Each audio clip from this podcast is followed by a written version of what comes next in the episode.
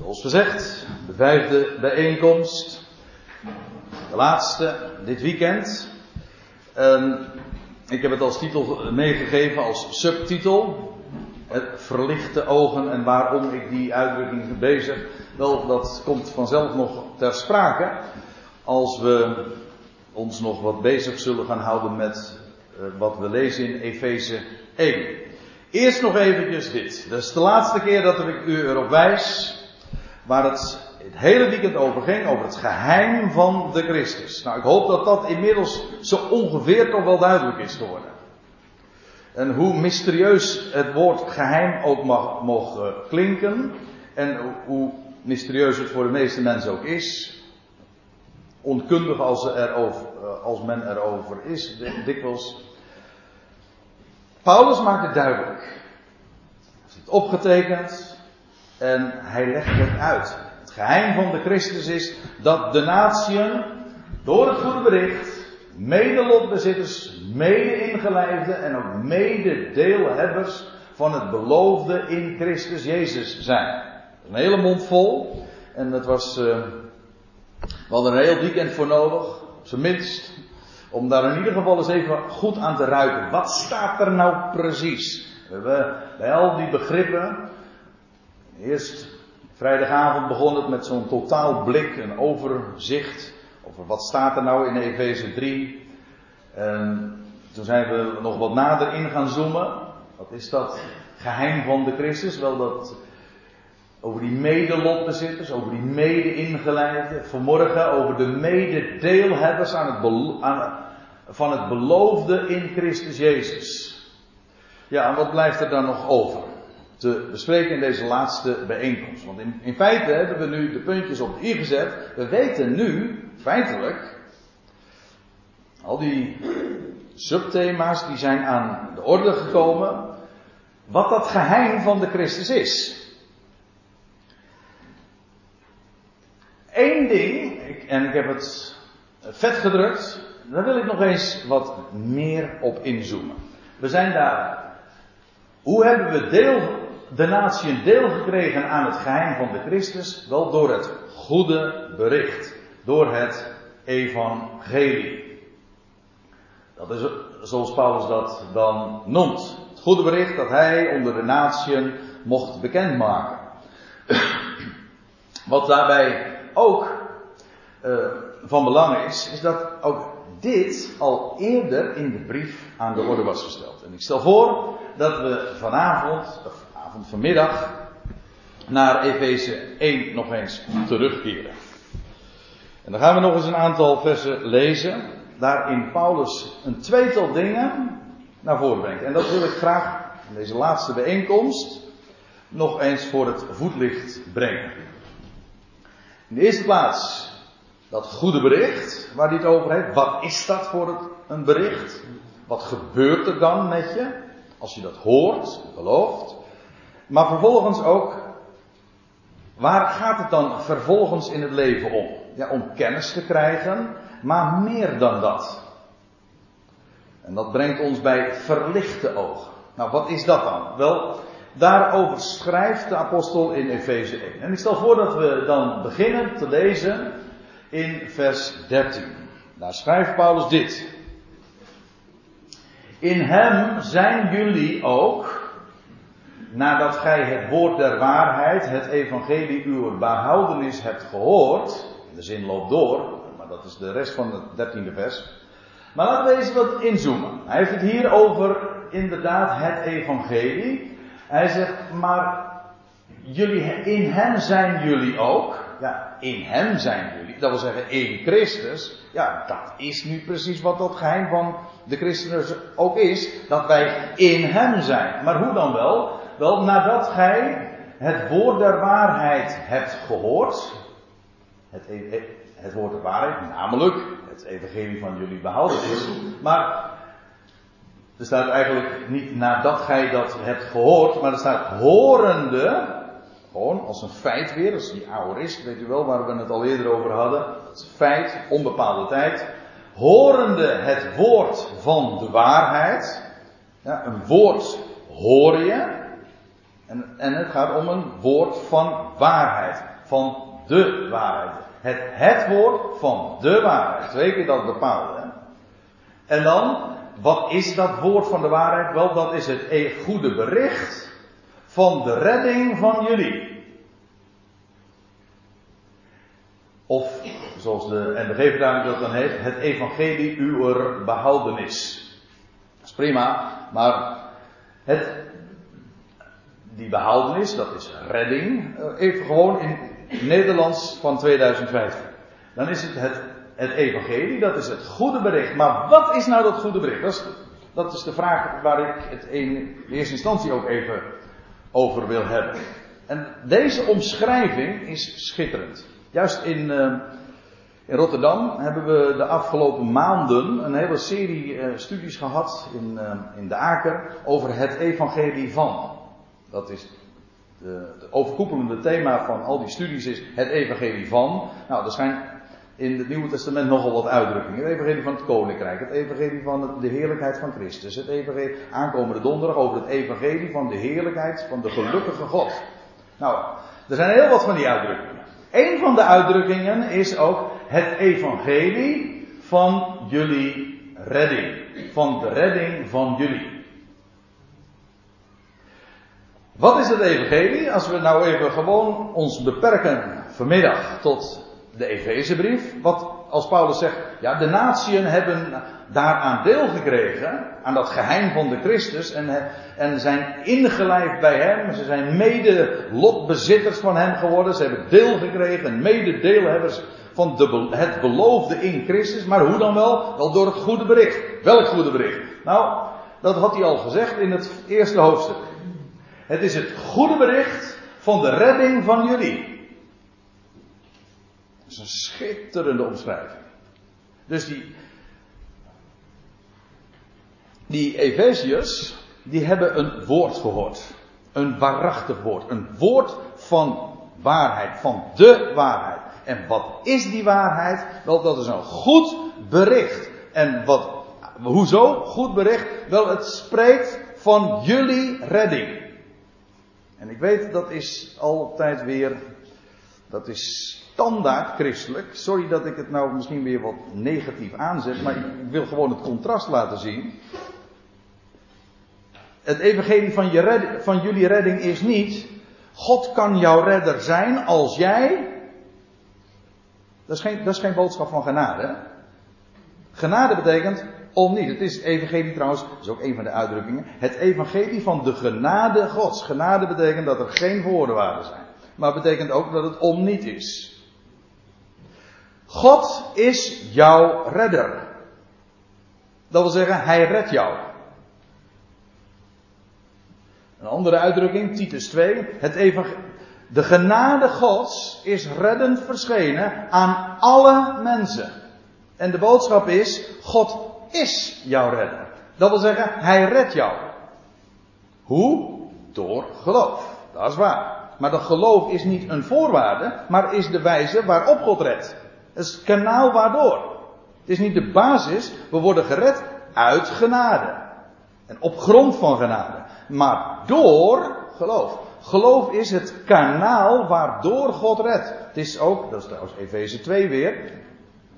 Door genade zijn jullie zalig. Gered. Nou, laat ik het lezen. ik hoef niet eens te bladeren. Er staat in Efeze 2, vers 8. In genade zijn jullie gered door, door geloof. En nou komt het. Dat niet uit jullie zelf. Dus het is niet een voorwaarde die gevraagd werd en waar jullie aan voldaan hebben. Nee.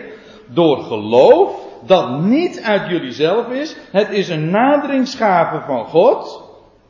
Niet uitwerken opdat niemand roemen. Zodat geloof niet via een achterdeurtje alsnog weer een reden zou kunnen zijn van ja, maar ik heb dan toch geloof. Nee, het is door geloof dat God geeft. Hij overtuigt jou. Maar het evangelie van de redding is niet je kan gered worden op, op voorwaarde dat. Nee, God is jouw redder. Simpeler kan het. Daar hangen geen prijskaartjes aan. Er zijn geen kleine lettertjes. Dit is, de dit is een mededeling, dit is een bericht. Het goede bericht van jullie redding. Die, deze mensen die wij hadden een goed bericht gehoord. namelijk van hun redding. God is jouw redder, de levende God. 1 Timotheus 4 vers 10. De levende God is een redder van alle mensen. In het bijzonder van de gelovigen. Ja, maar hij is de redder van allen. Hoef het, en dat is ook niet mijn bedoeling om dat nu zo uh, nog eens uh, nader te motiveren of toe te lichten. Ik wil alleen even erop wijzen dat als Paulus het heeft over het evangelie, waar de natieën van gehoord hebben, dan heeft hij het over het evangelie, het goede bericht van hun redding. En dat is een bericht, een mededeling. En een zeer goed bericht. God is, God is jouw schepper. En God is ook jouw redder. Nou, zegt Paulus, uh, horende het woord. Laat ik het, laten we het even gewoon lezen vanuit de interlineair. Horende het woord van de waarheid. Het goede bericht van de redding van jullie. In, in wie jullie ook gelovende. Ja, als je dat wat uh, moderner of gewoon wat normale Nederlands zegt. Dan zeg je, toen jullie gelovig werden, of gelovende, werden jullie verzegeld, jullie worden verzegeld met de geest van de belofte, namelijk de heilige. Dat wil zeggen, de heilige geest. In hem zijn jullie, toen jullie gelovig werden, werd, dt, ook verzegeld met de heilige geest der belofte. Dus wat gebeurt er?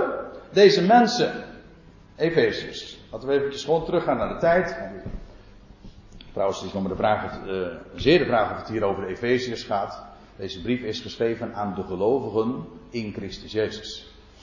In Efeze, kijk het maar eens na in uw vertaling, staat er zelfs tussen haakjes. En dat maakt deze brief uh, nog veel uh,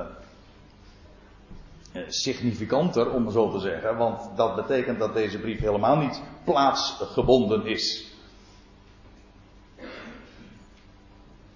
Afijn, deze mensen hoorden het goede bericht van hun redding en toen ze dat hoorden, geloofden ze dat.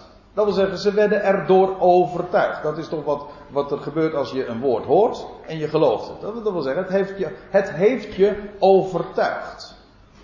Is dat een verdienste? Nou, voor zover het een verdienste is, is het, zijn, is, is het de verdienste van degene die overtuigt. Toch? Nou, dat is precies wat Efeze 2 ook zegt. Het is een naderingsgave van God. Niet uit werk, opdat niemand roemen. Hij maakt dat jij gelooft. Nou, en dan, dan gebeurt er iets. Dan valt je iets toe. Nou, er valt ons zoveel toe. Dat, eigenlijk de hele weekend hebben we het over, over dingen gehad die ons allemaal toevallen. En wat gebeurt er als je het woord der waarheid, het evangelie van je redding hoort? Nogmaals, het evangelie van je redding is niet jij, jij wordt gered als. Nee, jij, hij is jouw redder. Jij wordt gered. Al het andere is geen evangelie.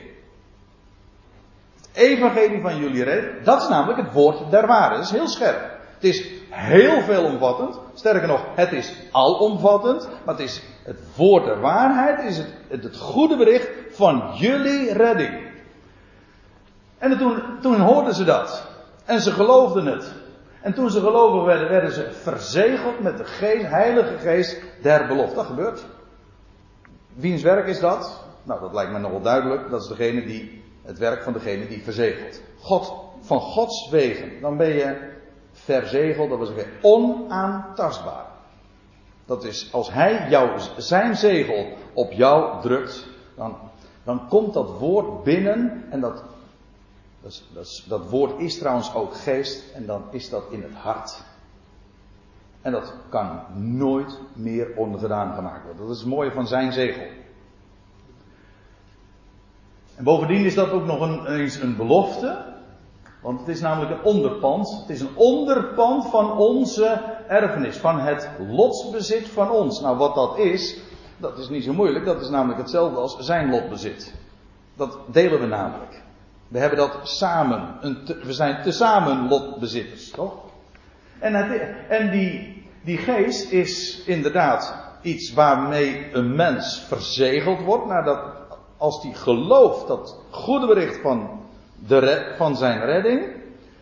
Dan word je verzegeld. En dat is tevens een onderpand, alvast, een aanbetaling van wat we straks gaan krijgen. Van het lot, ja, van wat we straks ook daadwerkelijk zullen uh, in bezit zullen nemen. Ik bedoel, uh, in de toekomende eeuwen.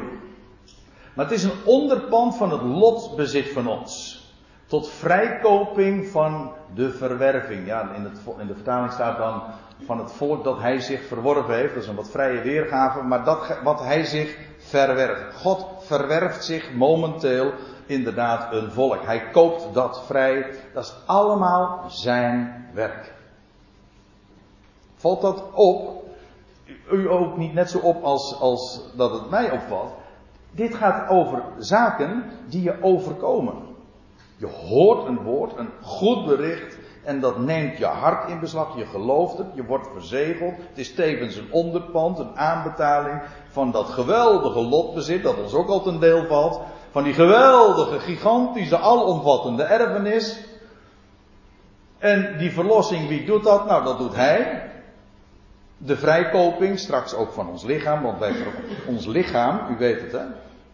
Ons, ons lichaam moet nog verlost worden. Nee, we, we, moeten niet verlost worden van ons lichaam. Ik weet dat dat is een idee.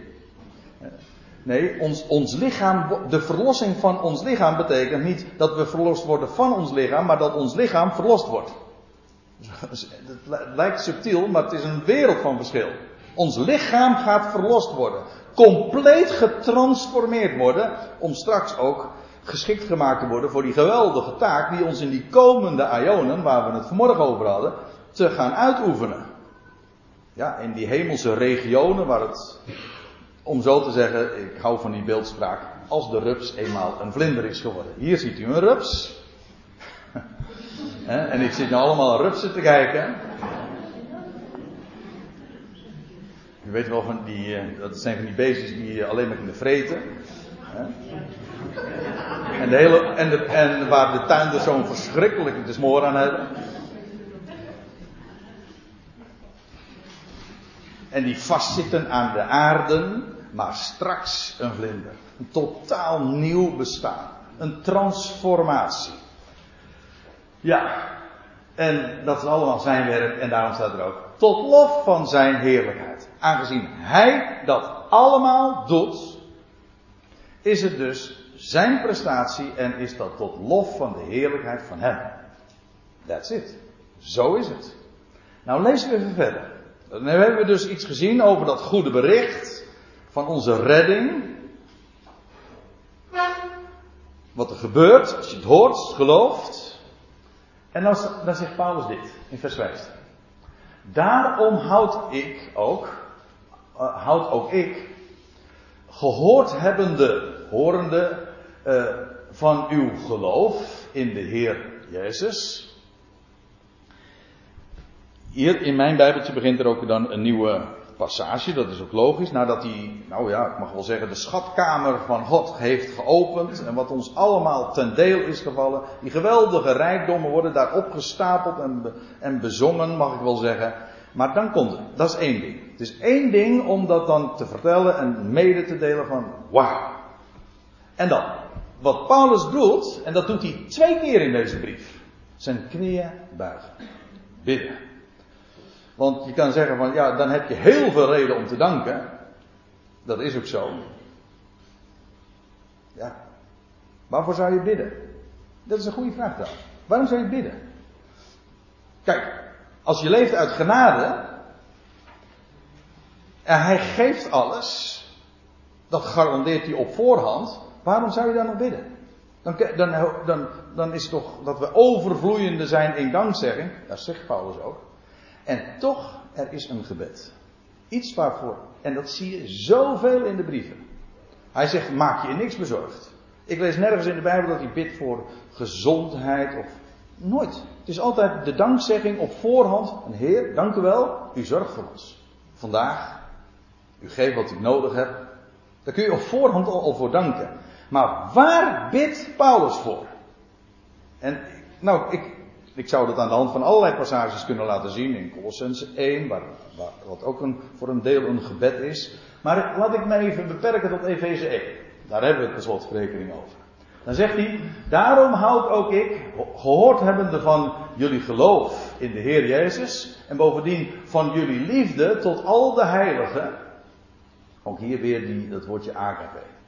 Ja, als je de liefde van God hebt leren kennen, dan ga je ook een liefde krijgen voor, voor alles wat God lief heeft, maar in het bijzonder dan ook de heiligen die God vandaag apart zet. Want er is een geweldige geestelijke band juist met hen. Heb je dat zo een weekend ook? Ik tenminste wel sterk. Ja, je ontmoet hier allemaal mensen. Die allemaal straks die taak gaan krijgen in die toekomende aionen. En ja, je hebt zicht op dat, dat, die totale erfenis. En dat God alles gaat volmaken. Maar ja, er, zijn nu, er is nu een ecclesia. Mensen die uitgeroepen worden. En die geschikt gemaakt worden. En die elkaar bij gelegenheid ook ontmoeten. Dat is ook logisch. Je zoekt elkaar op. Want je hebt zoveel te delen. Nou, en daar, daar heb je een een liefde wordt, automatisch. Dat is logisch, want die liefde is in onze harten ook uitgestort. Nou, Paulus had van hen gehoord, eh, daarover gehoord. Van hun geloof, van hun vertrouwen in de Heer Jezus. Van, van de liefde die ze hadden voor, tot al de heiligen. Ik bedoel, want dat is het mooie van die liefde.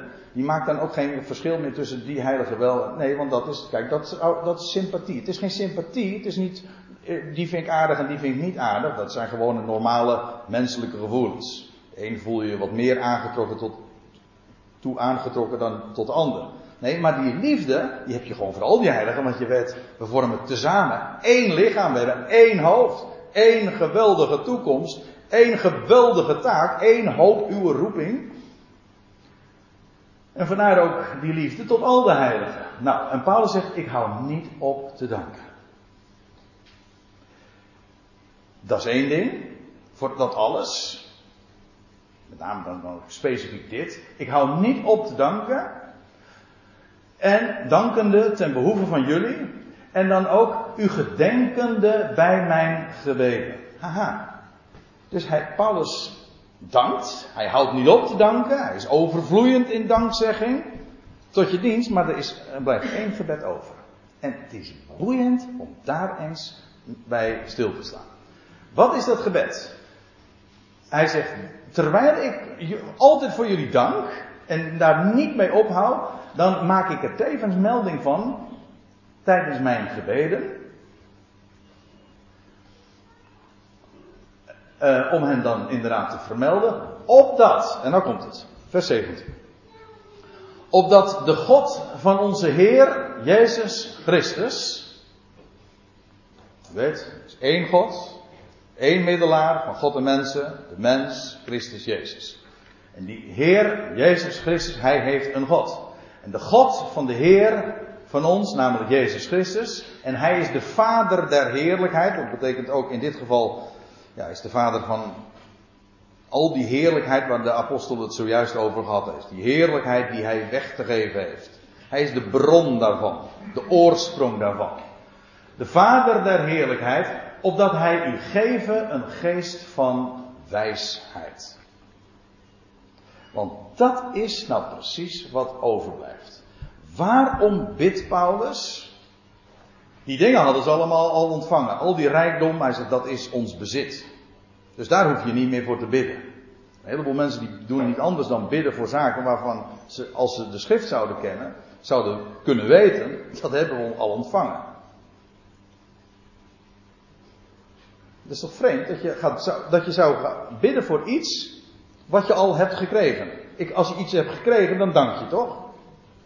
Maar één ding wat van belang is, en dat is wat Paulus zegt, dat hij u geven, dat hij u geven aan jullie een geest van wijsheid. Hoezo? Nou, dat komt nog uh, later, maar eerst even dit. Wijsheid. Dat is trouwens heel mooi.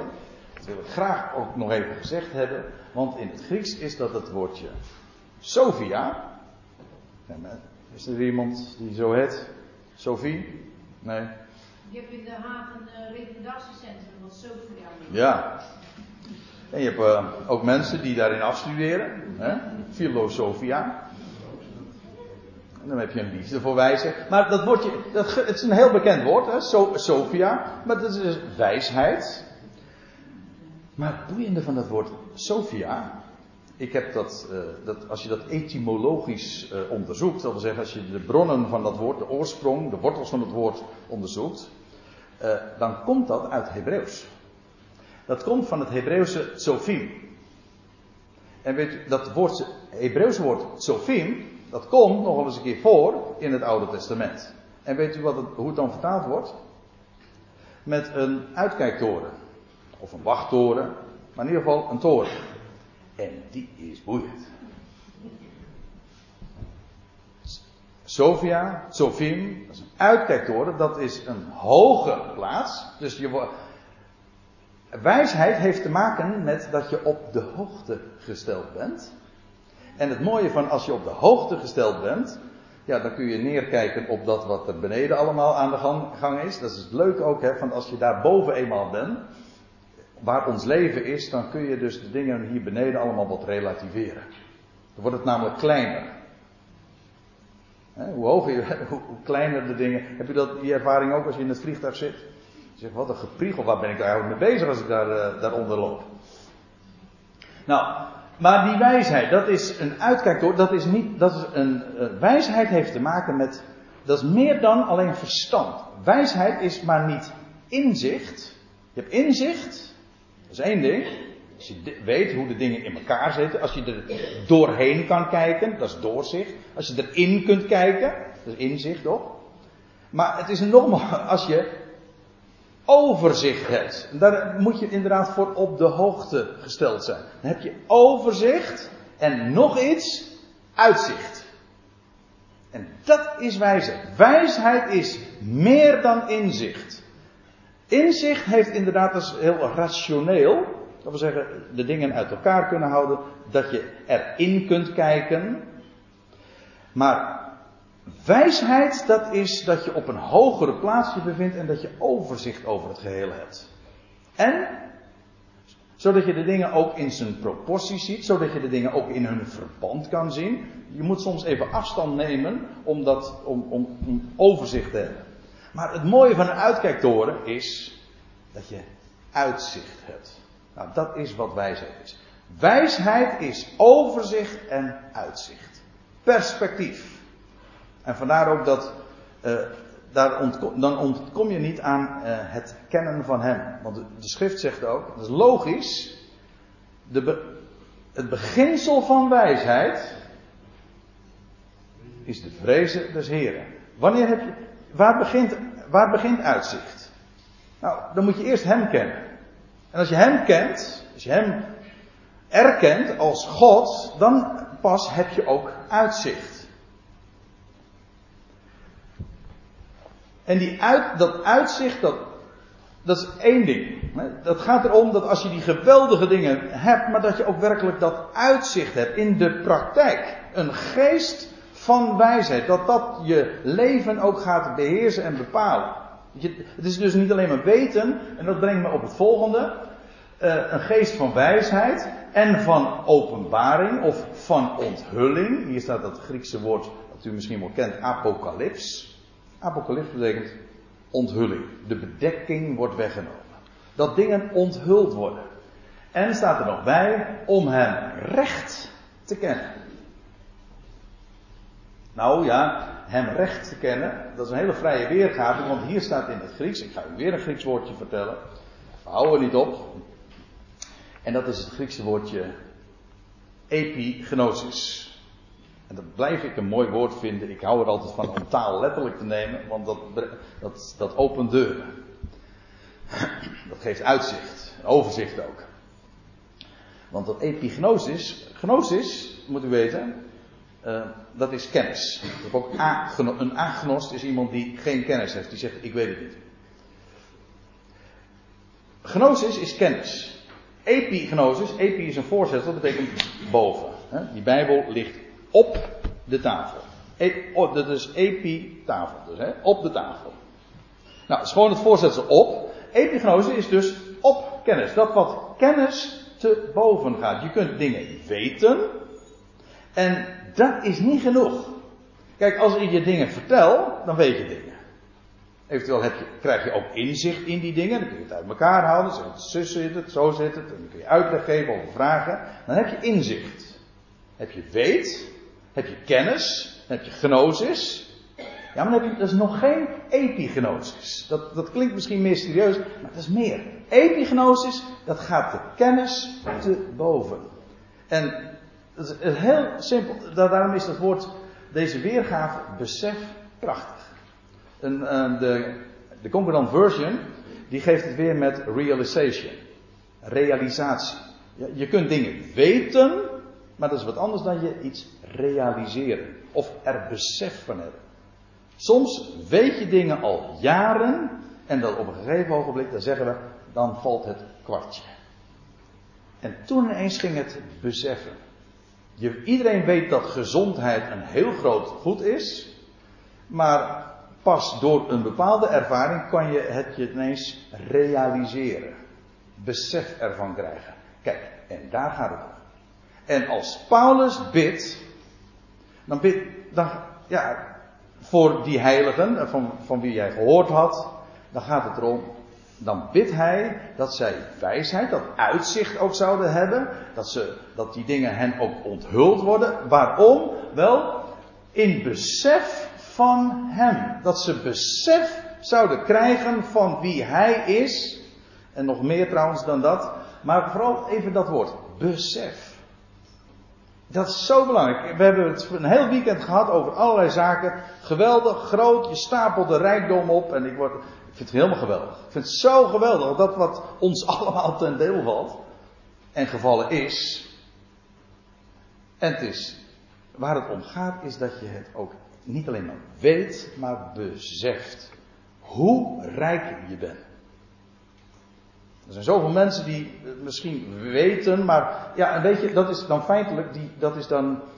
Um, als je het alleen maar weet en je beseft het niet, dan ligt er een heel uh, stuk dood kapitaal. Je zal maar, je zal maar uh, ik noem maar wat, je kan als uh, miljonair zijn, maar als je dat niet beseft, ja, dan, dan kun je nog gewoon straatarm leven. En ik denk, er zijn heel veel gelovigen, ze, zijn steen en steenrijk, maar ze beseffen het niet.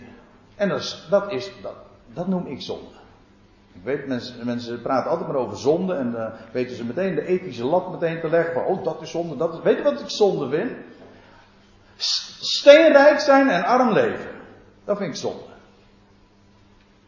Dat is namelijk, dan mist die rijkdom namelijk zijn doel. In je leven dat, die rijk, dat je rijk leeft. Uit die genade. En dat je daar inderdaad ook royaal in kan zijn. Dat je er vervolgens van kan uitdelen. En het mooie hiervan is. Weet, de meeste dingen die je uitgeeft, die ben je dan kwijt. Maar deze dingen, hoe meer je ervan uitgeeft, hoe rijker jij wordt. Die anderen ook, maar jij ook. Het is gelukkiger te geven dan te ontvangen. Besef. Besef van Hem. Weten dat er een God is, is één ding. Maar besef je werkelijk dat Hij dat, dat Hij zo is. En, dan zegt Paulus nog, verlicht de ogen van uw hart. Hij, hij stapelt de dingen ook hier weer op, waar hij voor bidt. Besef van hem, verlicht de ogen van uw hart. En u weet waar je ogen van verlicht worden. Er staat ergens in Psalm 19 dat de vrees des Heren, de schriften, het onderwijs van hem, de Torah, dat verlicht de ogen. En ik zal u een voorbeeld geven. Dat is een heel mooi. Die wil ik, dat, kan ik niet nalaten. We gaan even naar 1 Samuel 14. Dat is de geschiedenis van Saul en Jonathan. Jonathan betekent een gave, een geschenk van Yahweh. Dan weet je, dan zit het al goed. En dan staat er zomaar midden in die geschiedenis, want dan, dan lees je dat. Nou ja, laten we Jonathan zelf even tekst en uitleg geven, want ik hoef niet de hele context daarvan te noemen. Het is even genoeg om te lezen wat hier staat. Toen zeide Jonathan, ze waren in oorlog, Israël was in oorlog met de, de Filistijnen, geloof ik. Ja, geloof het wel. En dan staat er in elk geval, mijn vader, Saul, heeft het land in het ongeluk gestort. Zie eens hoe helder mijn ogen staan, nu ik een weinig van deze honing geproefd heb.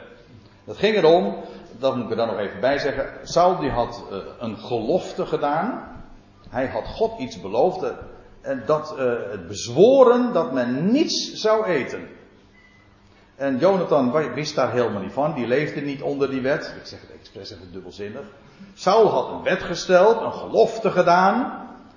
Maar daarmee, dat was heel vroom, maar daarmee stortte hij wel het volk in het ongeluk. Jonathan wist daar allemaal niet van, die leefde uit de genade van God. Dat betekende per slotverrekening zijn naam al. En die leefde niet onder die wet en die had gewoon honing gegeten, staat er. En dan staat er, zie eens hoe helder mijn ogen staan. Maar als u een statenvertaling hebt, dan staat er veel mooier. Want, uh, zie eens hoe mijn ogen verlicht zijn. Dat staat er letterlijk. Mijn ogen zijn verlicht. Waarom? Hij had van de honing gegeten. nou, waar is honing een beeld van? Dat, ja, wat uit het woord van God voortkomt, wat uit de bij voortkomt, Debor, Dabar, maar een bij is weer Deborah. Nou, ik leg zomaar wat eh, linken. Maar één ding moet duidelijk zijn: honing is het woord. En waardoor wordt een mens verlicht? Waardoor worden ze, je ogen verlicht? Wel door het woord. Als je eet van dat woord, dat zoeter is, dat staat er hè, zoeter dan honing, ja dan honingzeem uit de raad, is uw woord. Dat is, het woord van God is zoet en het verlicht de ogen. En wat, wat ja, zijn ogen, Jonathans ogen straalden. En hoe komt dat? Gewoon, ja, als je in het licht kijkt, dan gaan je ogen stralen. Als je ogen dat licht van het woord ziet, dat geweldige perspectief, dan ga je stralen. Moet je daar iets voor doen? Nou, kijk, en moet je wel op de uit, uitkijktoren staan. Hè? En dat uitzicht hebben, dat licht hebben. Dan gaan je ogen stralen. Verlichte ogen. Dat is waar het om gaat. In de praktijk ook. Het is één ding om de dingen te weten, het is een ander ding om dat ook te beseffen. Verlicht de ogen van uw harten, ja, van uw harten. Dat het binnenin hierin zit. Het hart is immers het binnenste. Zodat jullie weten, eigenlijk, ja, dat woord weten, zodat jullie waarnemen welke hoop zijn roeping wekt. En nou zijn we toch weer helemaal bij het onderwerp, want Hoezo verlichte ogen? Hoezo besef? Hoezo uitzicht? Op wat dan wel? Nou, welke hoop of welke verwachting? Voor beide woorden is wat te zeggen. Hoop wil vooral zeggen dat het positief is. Verwachting duidt vooral op dat het zeker is. Het gebeurt. Het gaat gebeuren.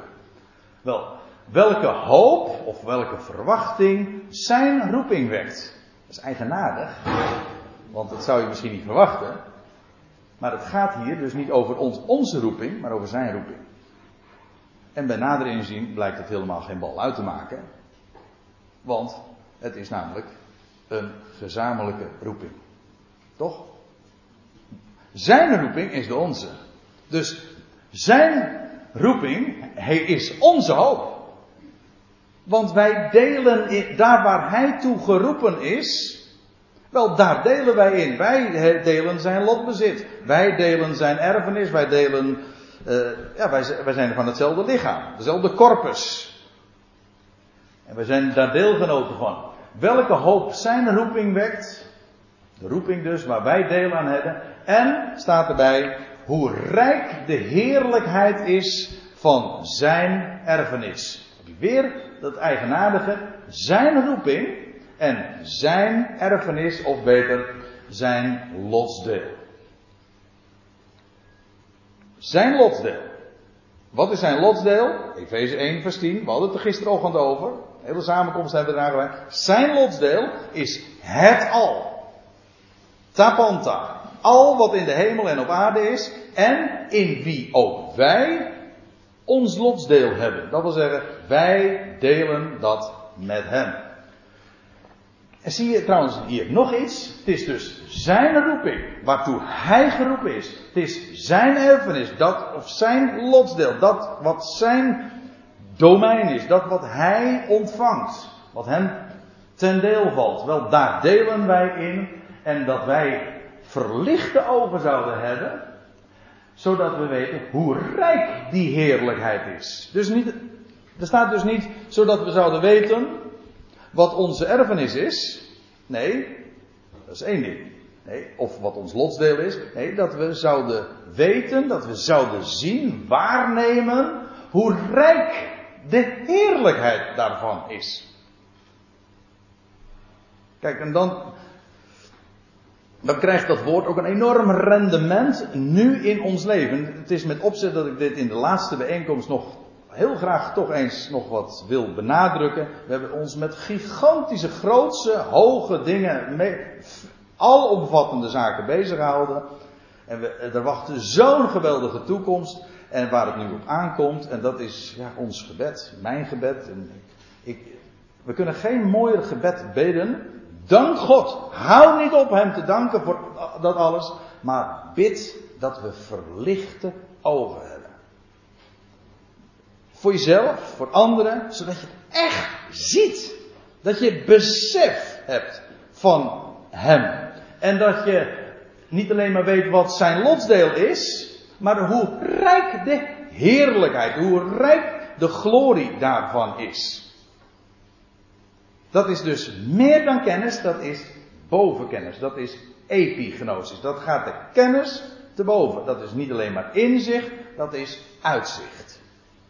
Dus dat is, dat is praktisch, hè? Dat heeft te maken gewoon met je leven van alle dag. Gaat er niet, en mensen denken altijd maar dat het in het leven om gaat om praktische dingen, van wat je, wat je pakt, wat je, waar, waar je loopt. Het gaat er niet in de eerste plaats om waar je loopt. Waar je wel naartoe mag gaan en waar je niet mag, toe mag gaan. Mensen vinden dat praktisch. Hè? Als je over de wandel spreekt, daar mag je wel komen, dat mag niet. Of over handel en wandel, wat je wel doet, met je handen, hè? En wat je niet doet. Nee, het gaat erom, terwijl je wandelt, en terwijl je handelt, ongeacht wat, dat je in, van binnen, in je hart, verlicht bent. Dat je je ogen dingen ziet. Dat je besef hebt. Ongeacht waar je wandelt en hoe je handelt, maar dat je, het gaat om de binnenkant. Dat dat gevuld is met die rijk, met de rijkdom van de heerlijkheid ja, van dat alles. Van zijn roeping, van die, dat lotsdeel. Zijn lotsdeel, daar hebben we deel aan gekregen. En om daar besef van te hebben, ja, dat was inderdaad de laatste die aan deze. Ik, dacht ineens van, er komt er nog eentje. Ik ben midden in de zin uh, afgesloten.